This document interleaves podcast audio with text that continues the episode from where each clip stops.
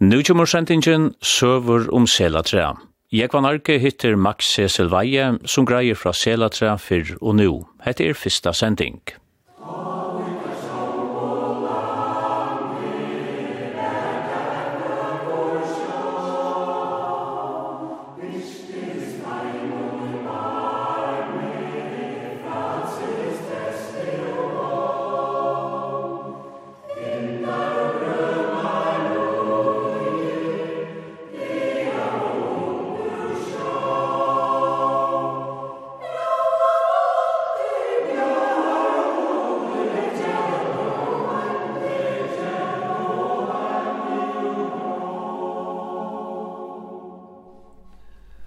dag er vi ferden av gulvet til Max Veie og Selatræn. Og Max, jeg har vi hod til å spille til fyrst om dette navnet Selatræn. Det har vi jo vært nek åraskiftet om det mittelen.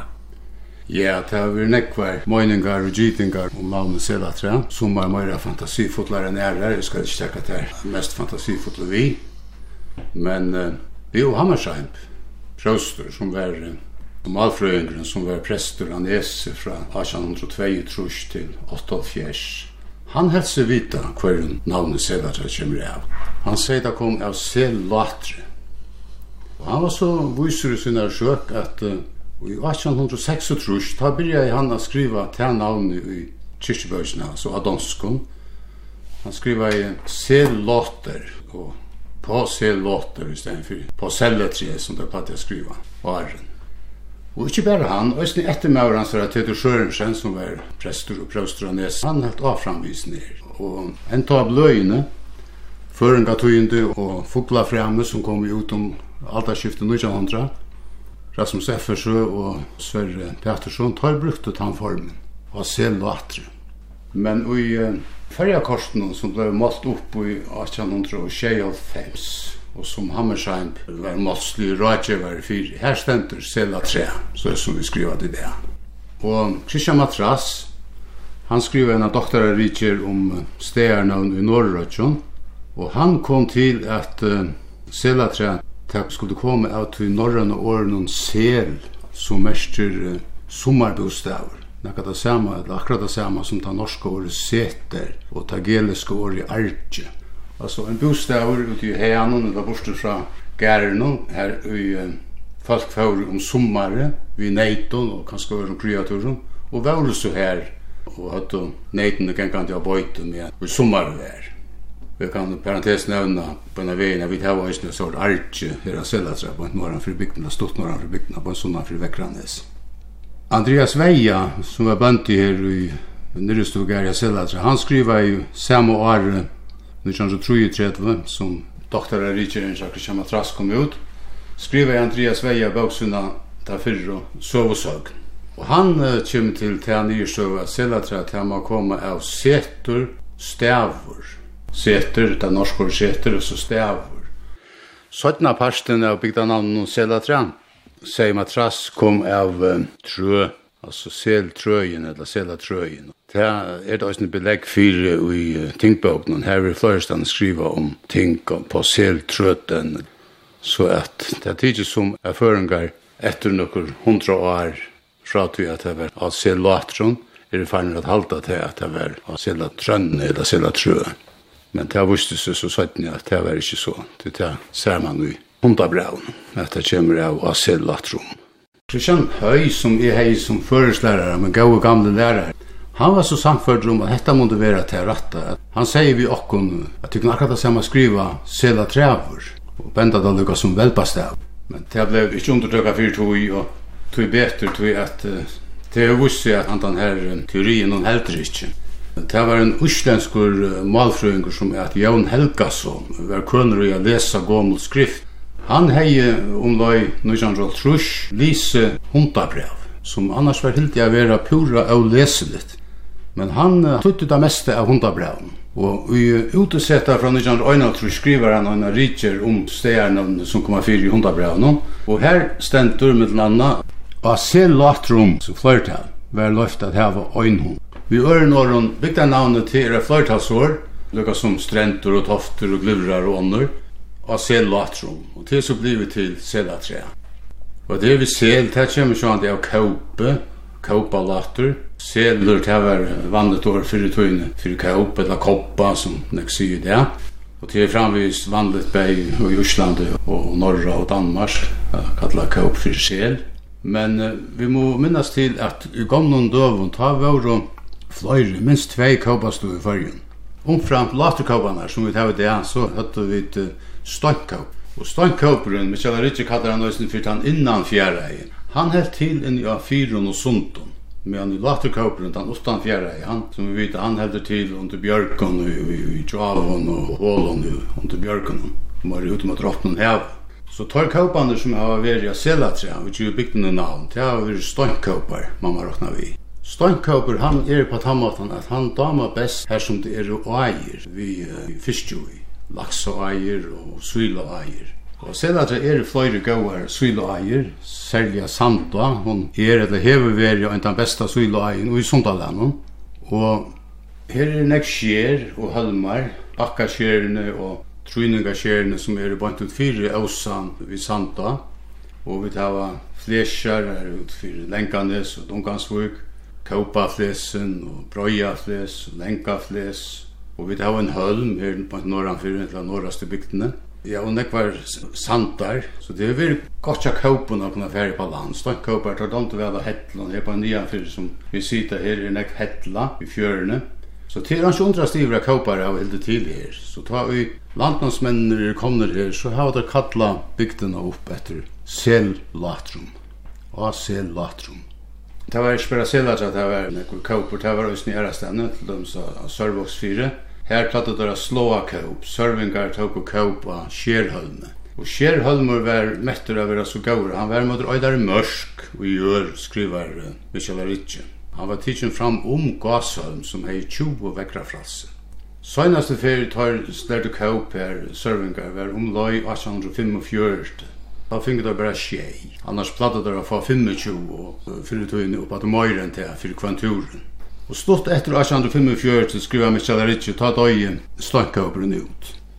Vi tar nok så nek, navn i fargen vi, vi sele, til dem sa Sarvasviri her har vi selvuk, og vi tar var og selor i, i Norrøtjøn, og selatræ innanfri Eldvuksnes, og så bygda navn i her av selatræ.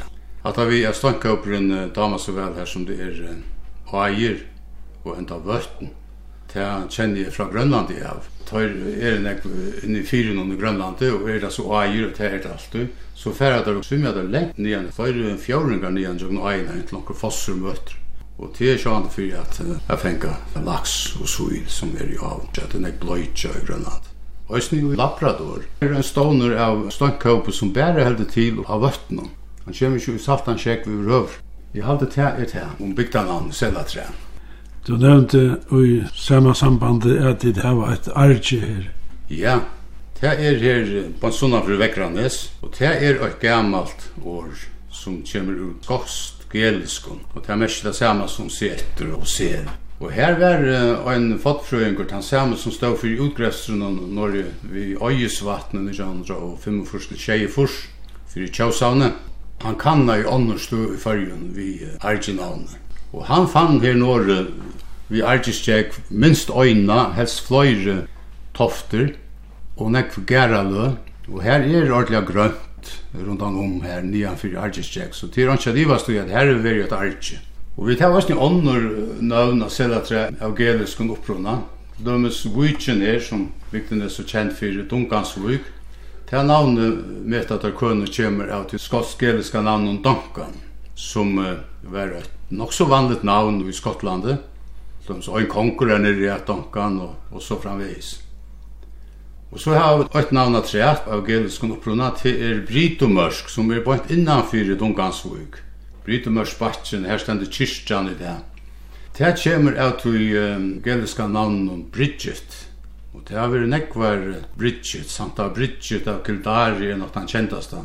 Det er så blivit til Brita i farg. vi tar finnst i Brytomørsk, så Allt tyder på at her har vært folk av skosken opprona og selatræ, så det har pågått lengt atru tog. Nå sitter vi i husen og tjata av selatræ, og vi sutja imist her nia fyrir jokken. Ja, vi er bant om av Røstovik og Høttan og Garsendi som norran fyrir jokken her, og nia fra Garsendi her er han fått tingstavren og Kyrjarhetje og tingstøyneren er her, og nian fyrir Kiljar Hegg er så Golgen, Norja Golga vi droppa. Andreas Bunde kallar det fyrir ta gamla Golga steg. Vi tar oss en annan Golga og et annan tingsteg sier det seg. Ta nutjara tingsteg til Høymja Bø. Ta nutjara Golgen er så oma fyrir ta gamla bøgaren er her av Bø. Her er en støyner som vi kallar Golga støyner. Her oma fyrir Røstovik, her var nekra gamla tofter. Andreas Bunde, Andreas Veia som var føtter i 1823 Åren han tog vi nyrstogare som bønte. Ta velti han ek fyrir Norge, nya for Jusnir som vi sitta. Og ta kom han uh, a få bruk fyrir nek om gråte til at rena vi. Så han gjør det til Dara Gjer, kan man sija, at han, han får jo holdt vi seg i gamle toften her, for jeg får gråt. Så han gråt her ut og, og brukte gråte til uh, at rena vi. Søttene da Andreas var den eldre maver og øyla interesseraver i Øtlund som gamla, så han sauna i øyla nekv til tjøvsavnet, som det tar kallar for. For jeg har fått en gripa gømsla, han øy ganske størsta parsten, som nekar øynsteker i sauna her av sauna nå. Da var han øyla harmer om etter her at han er vær så, ikke hvor større ans fyrir som gamla toften, men han skriva så gjødla om det og søvusøk, hvordan det sjå ut og hvert han fann. Han fann mitt land og et lenghus, og han fann tvær græver, og han var ivpust om at dette her var keltara græver, så det var støynsettar græver, leia rundan om, og så hettler om han iver. Og jeg halte at jeg funnet lyknande græver, så det har lyst med framtid, og i Fuglafyrre, under kyrkjeritje i Fuglafyrre, og ute i Fugle, av kyrkje. Andreas han iver seg jo at det her var keltara græver, så det er på ikke røyla lengt attervis, det er så. Jeg var en gang noen steder nevnene, selv at jeg vil hotla nevna Bønhus Tjadle. Det er en tjadle oppi under Reiafjas tinte, og i Reiafjas botni. Han er 430 metra hatt. Vi tar ongar sakner om han ekkar bo her, og tog han selv til den ekkar bønhus skal ha veri her. Men uh, for å veit, kanskje hava munkaner i sunnet tog ut ikke rymmingar undan dem om uh, norsk og ransmannen som fyrir sitt av vittamene, at det flutter her nyan. Eller hava krekva seg her oppe, til her ser man vel sorgjøngen fjøren og til lekkborster fra sjøvnen. Og her er godt bøytelente. Her er uh, nekve mekvur, så på tamma ut av er lotfastig a lea litt bo her. Og et anna som tyr på kristna trygg og bønhus av Selatrædla kyrkjo, det er uh, sternavne Klokkotorn. Det er nere av Lenganese, i Dungansvig, bant vi brunna her, sundaferien pleide det gjett. Han uh, kletteren som var her, nu var han under betong, kallar vi for Klokkotorn. Det er kanskje synd du rymt å fyrstille seg i det at kyrkja skal ha steg her. Men hoksa vi om hvordan jeg land i er sortje i tjøkken det sørste tusen årene eller så. Så er det ikke så utrolig. Vi vet at det er fram vi lenganes, fram vi brunni her og lenganes tenkan. Her er vi fyrir det fyrsta flere metrar av sjekve. Og så er det fynur sandur, nekker metrar, høyt tjukk le av fynur sandur. Og under sanden er så mekvur. Det vill säga det är näckvor här i Tunkansvik. Näckvar metrar ner för sjöarmala. Så det här tog ju på landet i Sortje, helt, helt näck i Tjöknen Öldena. Och så sen som i 1600 och Nudjo Fors, og i de første kyrkjebøkene for Esterøy. Her stendur om ein som døye, og vi blir skrivaver som Peter på Holmen ved Selletre. Vi tar ungan hölm i det som det kan folk kan ha boa. Det är här norra bygden. Han är alltså checkna ut till bostad. Så jag kan huxa mig till att ta hevet det som vi det där uppe för grunnan utfyrir för. Ta kan det vara veri en hölmur. Grunnan är rättliga grunn. Man kan sagt han stinker några år ner av grunnarna i det. Så här kan det ha varit kyrkja och länkandes till vältroligt. Og så kan de sätta nytt och in vara flott nedanfra sjön till döms nedan av bøyningen her. här. Vi vita at det er kyrkja av Selatra i, i Mjødene, i katolskare tog. Ta norske presteren og søvemøveren Peter Klausen Fries, han skriver om dette i synare søvubøg, Norrikes og omliggende uers sannferdige beskrivelse. Men denne bøvtjen til Fries, hon kom altså ikke ut for en 1600 og 3, men langt i 1552, da skriver han, den parsten som vi var ikke fyrjon. Og her nevner han med den andre at i fyrjon vore i katolskare tog til åren svarsta deia som kom i 1394. Ta var det fyra trus kyrkjur i fyrju. Men i hans herra tog var hetta tale minka nyr i 1930. Han nevnte til dømes at det var kyrkjer i Høsvig, Aselatra, i Lampa og i Lorvig. Bare for å nevne nekrar her om okkara løyer. Og det avhåverta er at hesa bygdina som allar utan lampa hava finnst kyrkju i forholdsvis nutjar tui. Ter hava gomu stegarna som tui på kyrkju, etla bønhus. I Høsvik hava det kyrkju mørsk og kyrkju tøyjar, og selatra hava i bønhus tjatla og klokk og tørne, og i lampa bønhus mørsk, og i Lorvik bønhus toft. Så Fris var faktisk det som vi sutja i stegarna. Han nevner at det var vært kyrkju og som stå. Men ta i börjar så at han har reformasjonerna kom under kong, så ivetag konkur funksjonene som pavakirkjan har haft det før. Han ivetog kyrkjenar og, og alla gjørna, om det er heltene før jeg gjør. Og han var ikkje så spent på å halda alla seg her kyrkjena vi luka, så fyrir at spjær på ter utrøstene og heldur på Møyre i kongsens kassa, så blei kyrkjena farg i tjene. Her miste sela seg så syna kyrkjena. Og vi finner så ikke kyrkje atter for en i 1926, og ta på hendan kyrkjan bygd. Det var av jólun, det har vært jólafest i skolan, som alltid har vært, som er vanlig til å sælda seg. Og i 1925, da kallet så Andreas Bønte, Andreas Veie, en til fund, for at tog som er bytja kyrkje, det var verden kyrkje. Skolen ble brukt til å lese Lesterøy. Jo, fast tar vel under visen her, møtte vel oppa fundet, og her ble så gjørt det tvær lister en liste hver man kunne tekna seg til at arbeida så snakka tøymar avkjepes på kyrkina bygta, og ein hver man kunne stola vi. Nekvar tekna seg fyrir nekvar tøymar og kanska ikkje så nekvar penkar, og er kanska for færre tøymar og møyr i røyen peningi, som nu omstående er vavru. Andreas Bøndi, han skriver seg overast av listan vi, vi 1500 kroner til han måtte svære til han har trutja fiskmanna, orslønner, tåadøv. Og så var det nere etter 300, 100 og helt nere i 5 kroner, var husarhalt. Og det var så ikke bare selatra, det var selatra og morskranes som tog på seg saman om å bytja kyrkja. Og Andreas han ble så åtta med over fyrisen her, og det som han fyrir holdt vi til han fullførte han, han held meg i sjufen av adivor.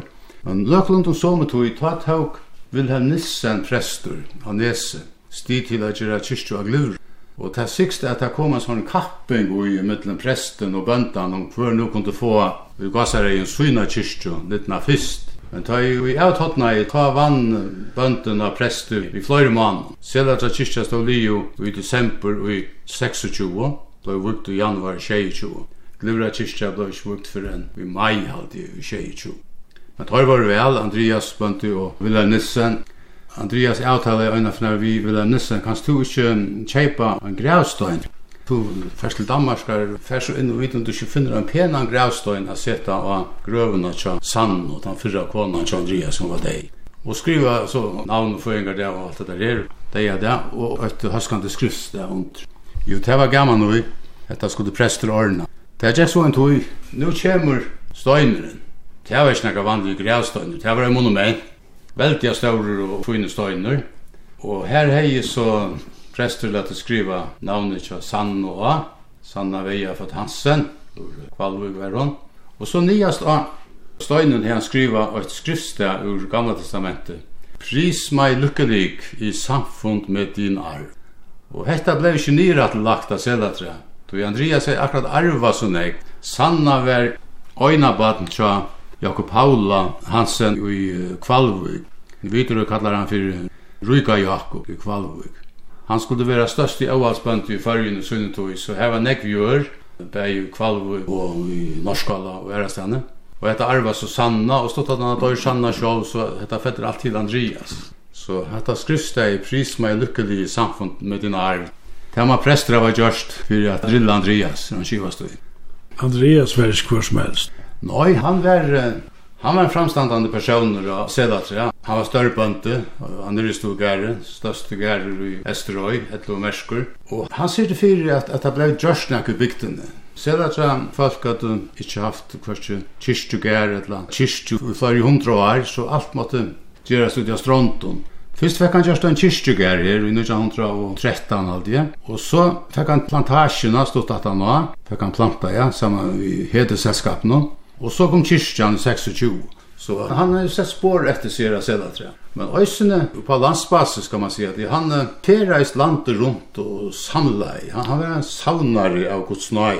Han saunar i fotenloter av ötlun handaslägen. Det bästa han visste det var att släppa in i og fjøs eller oppe og lofti under veien at hitja hva de her er. Så be han om å få loter til fotgrypa gamsna hvis det er til, og om nei, så betalte han fyrir etter her, ur egnon lomma. Jeg hørte jo ur fugla fyrir at han er inne av gulven og tja, og emna mørskjene og teis ut og fink her døvra, og, og her brukte de gommel uh, fyrstjera til båre, og, og han spyr om han skal få etter her. Det hette vær så gammalt, av tre og så fram.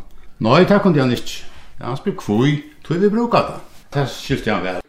Andreas Bønde får så når til gamla som Peter og kjøpte eh, nudj etningarampo og så høymater av mørskina. Kunne vi bøyde om? Det var gammal nøy. Så snar skaffa han en rikvo av fotlod. Lømmes kyrkje på støvlander, tøyr var i Danmark, og tøyr i Attarli, til stå ikke ved til å få der høymater. Men Andreas Bønde, han sier så fyrir at tøyr ble avstorpt i gipset.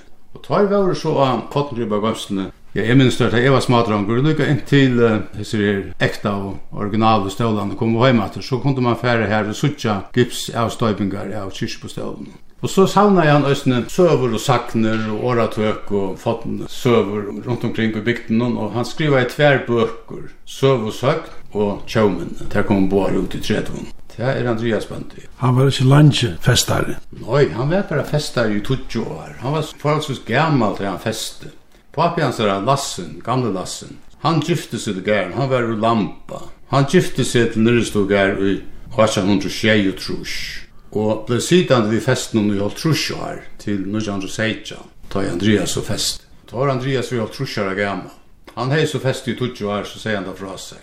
Og Abbe, hans Peter, ble så bønt i at han og han i fyra år. Og så festen Lassen, farbror.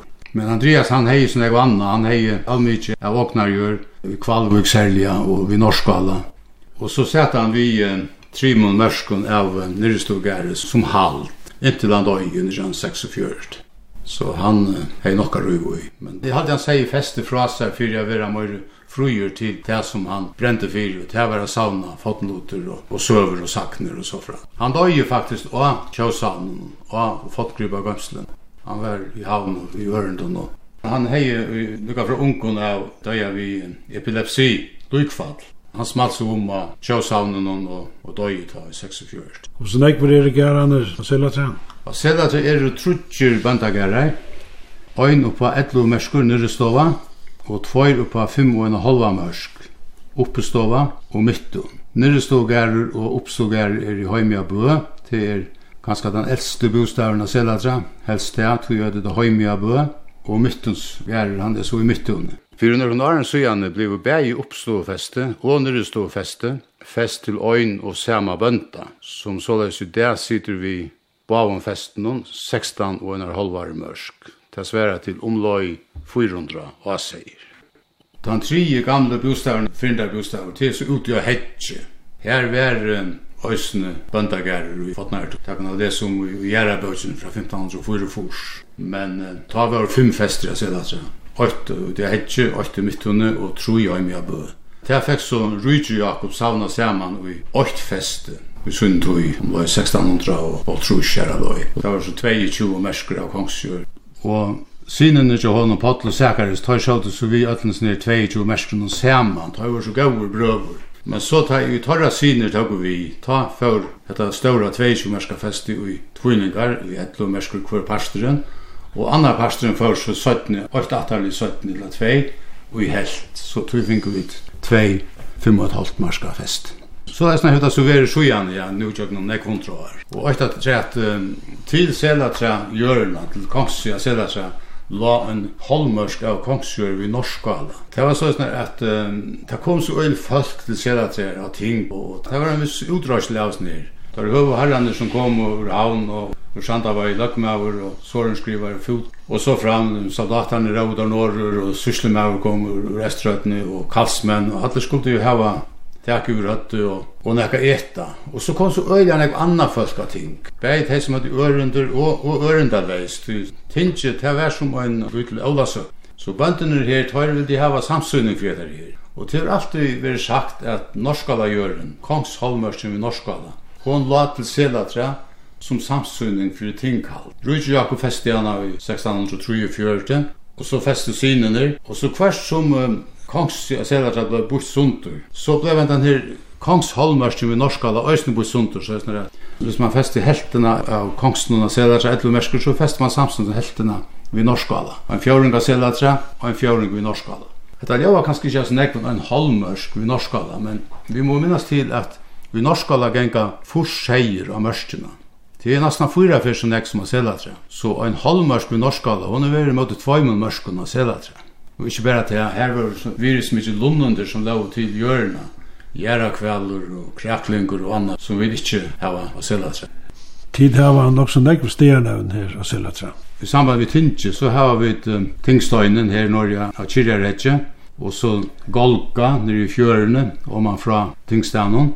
Og vi har tingmanna vi, oftast i bygdene, i bøkærnen her nere av bakkan. Her er rundt tyngdmennene kommer til at det til Kongo og Skalafjøren av Stronten og, og stann etter. Og så har vi et stedene annet tre som er her iver av Sedatre. Og korsen og av Vørslofjall. Men vi kallar det Nøvn. Det er så at tar man stendur av tingstenen hjemme av bø, og søvlen stendur bort i nøvnatinte, ta i klokkan troi, ta i nøvn. Gammalt var at tinge sæt fra estre til nøvn. Det vil si fra klokkan 6 av måttene til klokkan 3 i 17 parsten. Så det hei tuttning av vita nær er nøvn.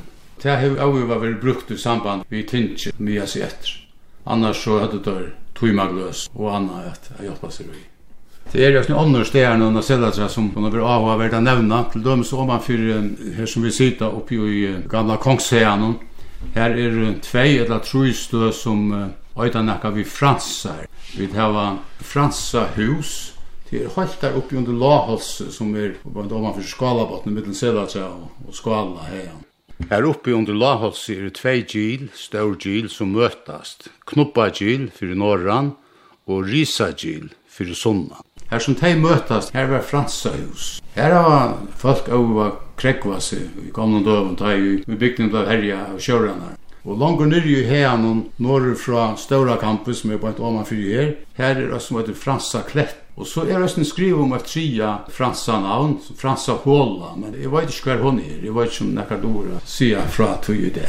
Så han ser at det her er nek utsett, det her er så et komeligt, her er fjøre slatt og ja ja, og deia vatt kan man sija, så ta jo i avfria kipa ver, så hava folk ver, og man holdt seg av dem, så teir hava tidsi av nakkan og er rundt i fjallene, det er det man høyrer.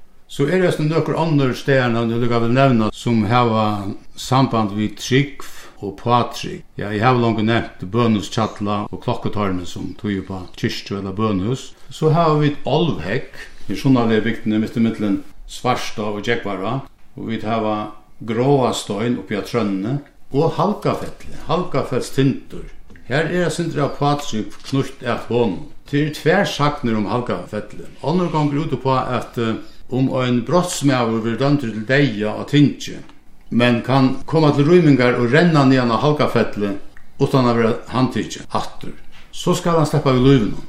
Her liggur lukka som nekka av megi som kan bjarga fölkje og i hæsar søgnene. Så den andre, hon er døpur, hon sier til at uh, han som fer nian av halkafettli, han skal uh, ikkje liva av åren. Men uh, det som jeg kjenner til, Så hava til folk ikke gynnsi og poisar sagnar i røver. Halkafestinter er vanligt og vel omtøkt mål saman vi reia festinte. En ta sunnudagsskolen ta det gjerra utferni anna halkafestint. Og da sama vi olvhetje. Her ligger en vevur bant i jøknun hetjen etla iver hetjen. Vi køyre iver han kvönt ja. Og grei støyner, en større støyner er oppi av trønne tja Abba mun og Karla Trønne. Han skulle være utbygdur, sier onkur, Men ta i Karlappi og Oli Appabotje, at du bo her i nokre år, og at du velt så mykje at du har hatt til denne kikvila på hvert fær, så får du undra gjesa hodjus. Og ta høgligaste tilfæri til hodjus, ta var grøystøyner. Så var sprangt du på seg av gråastøyne, og kyla og Appi var kunne gråt med over, så ta var vel fyrir tjån at leia og høtja gråt til. Ta sprangt du så mykje at det høttet til at hodjus til bæg i husene. Ta tog heltene av gråastøyne til det. Så det er veldig ekkert avslappa forhold til disse her foten søvnar om alvar og holdt og kvarta sunn. Ja, og slag mest til at uh, videre prester som uh, skriver nek ur Adam Førjen, uh, ofte så hever han okra søv om utbygda støynar eller okra stanna, even naturligt. Jeg ser det så hever han okra søv. Det er ikke vi nekka som folk har tås om og hese vi i vrøver. Han er jo kostra onka søv finnes. Det er nekka var eier. Ja, her er jo et av vore og øyla nekka var eier. Takk vi norrande fra, fra Øyra Marsje, så er um, Marsen og Eien her til Brøya, og en veldig stor varta, Øyra nek vatt, ta i år fyrir vær. Ja, her var en så veldig stor sandur, men han tør så ta i sandbatan nu byrja og takka sand. Og så kommer Sølva, vi Sølva sand. Så kommer vi til norrar og Heiajek, og Sigru Heiajek, norran fyrir Vekranes. Så kjem Argisjek, sunnan fyrir Vekranes. Og så bøn sunnan for fyrir Argisjek har vi halva. Så kommer Gjauta vi Grønabergsrattena og Skåra. Og sunnast på en norra fyrir bøkaren og sella så blasent. Øysni er en veldig stor, som ikkje var færande ung til heimann og sandve oppi av heimaren og hver i øynum var møk hver man kunne genka om omna. Nian fri heimaren var en veldig stor fossur, en flotte fossur, vekraste fossur i fargen etter munnen tykkje. Men allar hesa nutju einar frá Øyramarsju suðu sedatra. Tær eru turlakar í dag. Tær eru løttar í ein tunnel og tær er nú við til að fáa vatnmerki við Øyisvatn. Tær kan vera sindur harmligt. Tær er prutium við í og, og vi sakna tær. Men vi tvingar til betur lov at vi halda einar inni í bygdene. Tær er norran frá Santa er vi skóta deplen, mittlen deplen og plantasjonar Og i Sandøren er Skarspenn så egen, og hon er som sagt en sera gav syla av. Så er det heimja Bø, Bø av, Mætarøyen kja Bøyvinsen av Bø, Mittun så, Mætarøyen i Mittune, Krakerik så, bant norran for Krakerik, Brøya, sunna for Krakerik, og Svarsta, sunna for Husni Hetje. Uti av Hetje ligger i mittlen Brøya og Svarsta. Og ysterbygner er så Jekvara, uti vi Bøyvinsen uti i Fotna til øynar inn i bygdene. Og sommar hava lopet vi først? Ja, trutjar avdøymon er herveligere leipa. Mytton så, svarsta og tjekkvara. Og det har vært hendingar vi öllum trimon hver i huser i færen av åarlott. Enda tidsin av gruntene og ført lengt om i bøyen og smildra i sundt. Så her er det om å væren og ikke bytja for nær ånden. Onkur flotten? Ja, Det var ute i Fotna, gamla Fotna vi Dråpa, som er norran fyrir Jekvara. Her stod han i hus, og i 1919 ta leip Jekvara. Og hon tok fjøse om av husene, og det var om at gjøre at hun ikke tok husen i øysene. Ta blev hans Peter Jorus, hans Peter Fotna vi Dråpa, som høyder om skattlanda, at han tok husene nyer og flottet deg utom om og bygde deg oppa noen gjerina sånn han fyrir Tjekkvara. Og jeg hetje her er sted som heter Nyrja Toft. Her er hus flere fyrna vi er gale, tog jeg heter Nyrja Toft. Og søgnaste fyr ta var det en hus som Petra Jakobsen hei bygd etter at hun var kom heima til Amerika. Hun var bors i Trusjoar og folk tror at hun var deg, men så kom hun heima til som forsara gom og det her aløy og, og bygde seg en fitt lydel hus her på en heima for Svarsta. Og her bor hun trygg så langt hun levde, men stått at hun at hun var deg, leip Svarsta av husene, og hun simpelthen Så såpaði fyrir sær öll sum tað vóru og har á sjúramørskar og man móti sjónum her lá alt smultra sånt Du betri hendi ongin falkaskei.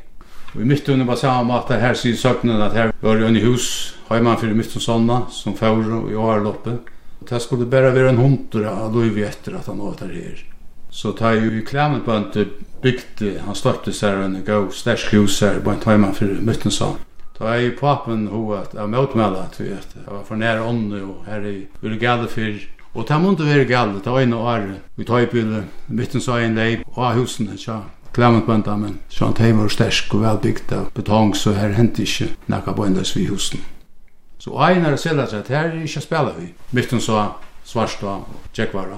Det er så størst oppland, det er så øyne vatten, tøy, i tøypiler. tøy, Nu er vi farne en tur oman av Lenganes. Ja, vi standa av Lenganes, og innanfyr okken her er Dunkansvuk, mittlen Lenganes og land, og her inne ja, landet her er så Lenganes hedgeren her fra som gamla handelen og kjalasten i Hottene og Norrøtter. Så kommer vi langt norr av Brytemørsbakkan, her stendet kyrkjan og kyrkjegæren. Og inni her i Dunkansvuk er det flere smarre vujtjer. De gamle, de fått og nestene tja selatrabøntene, de stod her, bort framme for jokken. Hvor gærer hei sutt nest, nyrestå neste og oppstå neste og midtons neste. Og som du sutja, de venta såleis at de ser at de menn for å flått, så drar ut av båtene og i møte fjallen. Så de drau båtene ester etter, og nyr i uh, båtavujtjena, som er her på en for nestene. Alltså en klättren här, vänster mig in, bata vinstrumöjen, bata båtaklättren. Här låter det äta gamla döven i rörabatten. Og så innanfyr Batavøysene så innare klettur, og her innanfyr, her var en nok så stor vøy kalla Tæravøyk. Her var det Tæra kostar, og her kom nekkur Tæra på landa i Ylvever vær. Så her uh, kappa oss menn om at, uh, at skumpa Tæra. Her rådde om at vera tullja av foten og byrja at skumpa sutt pette, tog at alt det som la utanfyr, det er så fyrlig for inn her som åpe var fyre. Så det var en øylig kapping om å få fætter oss en Tæra, han var ju gott verter till att Tæra vid han man skulle velta. Veveren kom så her om man har Lenganes til nok veri jo i 40 år nå. Og har en tæt har vært mæta så nek på seg av her inni Terravitsna og Sunnanfyrir at det var vant til fyrir at, at Lenganes for at enda som en hølm.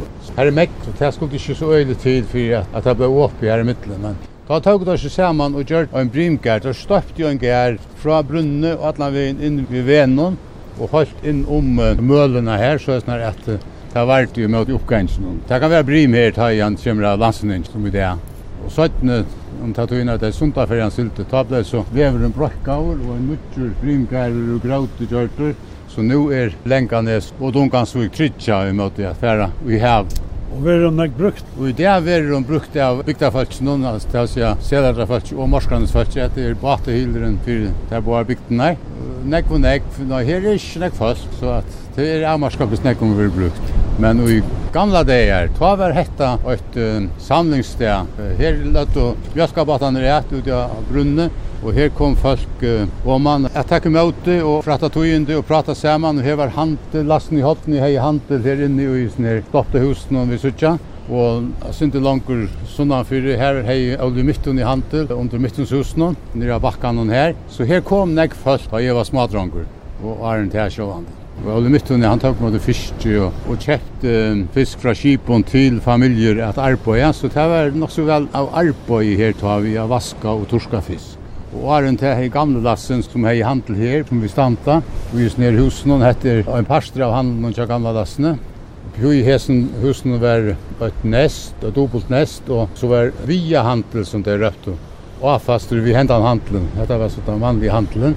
Og så hei han vi hos at træt her inne under lengane seinen, på norran fyrir han handelen til lasten i hotene.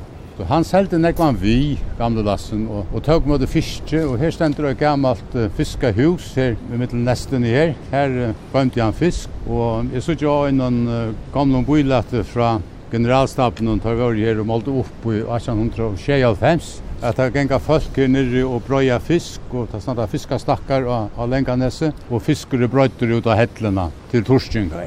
Så her var nek loiv ui ja. Gamle lassen hei østene uthandlar, han hei en mann som handlar i fyrelse i Høsvik, og han hei østene akka Norge i Vuk. Her er det fosser et sted Norge i Vuk som vi røffer lassens av grunt. Akkurat hvert han hei er Norge, det er du ikke å men Vik la jo vel fyre til utraur av Norrhavnen, så det var nok strategiskt å være her og isne.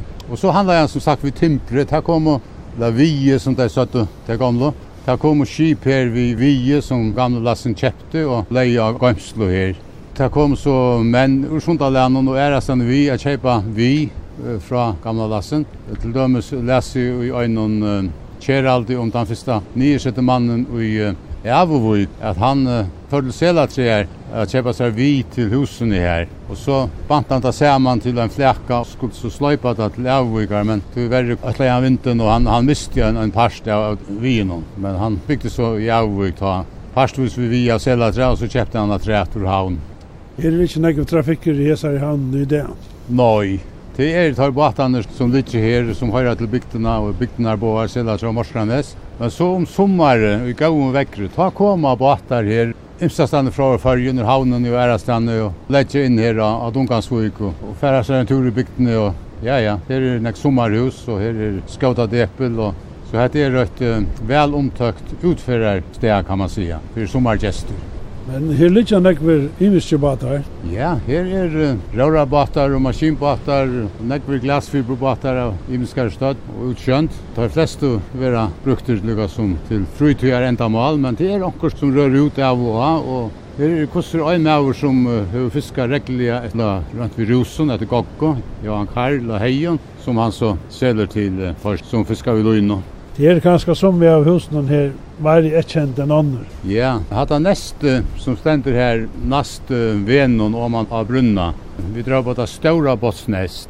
Det var ett samtak av åtta mannen av Selatræs, som finnes her båt eller båtar i Tela och en stor båt som så stod i här som. Tar var och Johan Peter Bønte i Uppstova, Ole Bønte i Mittune och bröderna Peter Hans och Hedje, Ole av Trønne och Karl Abbe min av Trønne, så var det Mathias Jakobsen av Hedje, og Christian i Gæren, som søttene flottet bor av Kvitanes, her ble han røpt til Selas av Christian, og Hans i Fotna, tar åtta. Tar åtta hatt det nest i her. Tar åtta i Øysene, og et annet nest ute i Øyren vi drar på, til her vi Øyren er til Jekvar og Og her er så en grunn, eller grunnstikke enn, da jeg ble matrikulera her i forsvaren, så var det spurningen hver skulle standa som øyer i sånne her stikki, det var omgang du skift, eller det var ikke telt til nekran. Så matrikelståan gjør det så stod grøyt. Jeg har sett at har gamle øyerne. Så her er mennene som var født i 1830 og her er løy. Så her har vi et stikja selatra som vi at den tar etterkommeren man hava 200 øyer i det om det skal gjøres opp på tannmatta. Det er synes det er interessant søvlig å se. Annars hadde det røysene båtafellesskap i samband vi færre til lands i Øslandet.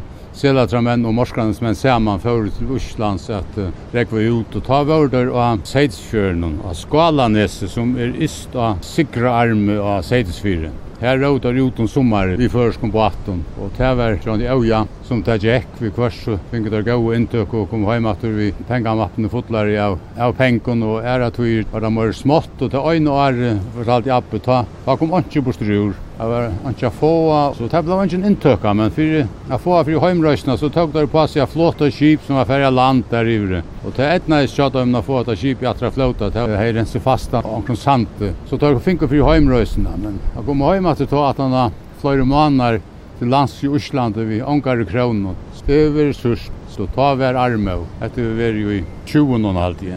Ta så vitla til, ja.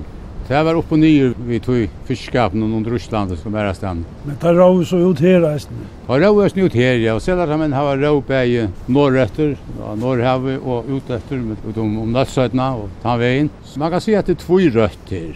Og er det gjør det samme her, sånt av landet og er stand fra, så ta i gamle lassen byrja jeg handla her i 1870 og ta blei nok så nekve fiskur avrøyder her av tøymer som kommer ekkvande fram vi korsene vi fiskjen.